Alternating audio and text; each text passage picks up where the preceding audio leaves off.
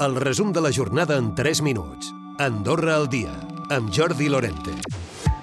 El ministre portaveu Eric Jové ha dit que la convocatòria que es va organitzar aquest dijous al vespre, amb motiu de la Puríssima, on es eh, demanaven millores salarials d'habitatge i pensions, ha quedat per sota del que s'esperava, tant per part dels sindicats com partits polítics participants. Escoltem el ministre portaveu deixi'm dir que un palet sorprès per les persones que, que van assistir, en el sentit de que segurament la xifra està per sota del que s'esperava, sobretot quan hi ha diferents forces polítiques que van voler-se sumar a la convocatòria, segurament preveient doncs, que hi ha eleccions eh, aviat i volent doncs, intentar treure un rèdit polític. No? Si convoquéssim eleccions ara, això quedaria al tinter no hi haurien increments salarials fins després de les eleccions i bastant després de les eleccions perquè això hauria de passar per llei.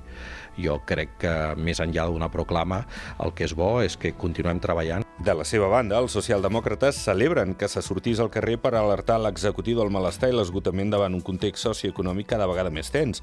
En parla el secretari d'organització del PS, Pere Baró. Estem davant d'un govern eh, on no saben eh, fer polítiques per a tothom o bé no volen.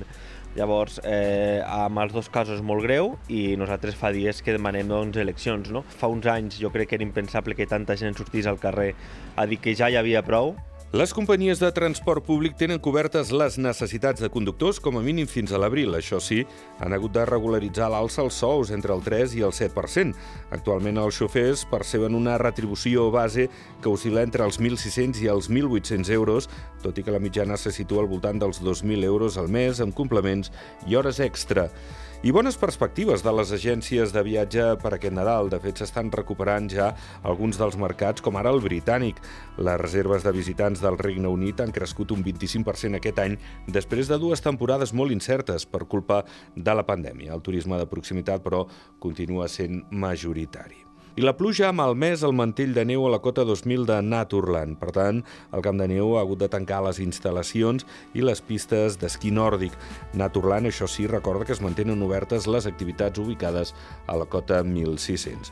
I Escaldes en Gordany ha perdut una bona oportunitat de poder créixer a la seva part alta en no tirar endavant el pàrquing, que l'anterior majoria havia projectat a la carretera de l'Obac. En parla Miquel Aleix, conseller de la minoria de DA al Comú. El que segur és de que el Comú d'Escaldes Caldes té potencial econòmic per assumir aquella obra de sobres i nosaltres pensem que aquest ha sigut un dels grans errors de la senyora Rosa Gili i del seu equip de no iniciar aquesta obra, que hauria sigut una obra doncs, bueno, que al final les Caldes se n'hauria gaudit durant molts, molts anys, Andorra serà seu oficial de l'Sport City League, la competició amateur d'e-sports entre ciutats més importants. S'espera l'assistència de més de 6.000 persones en vista a la primavera.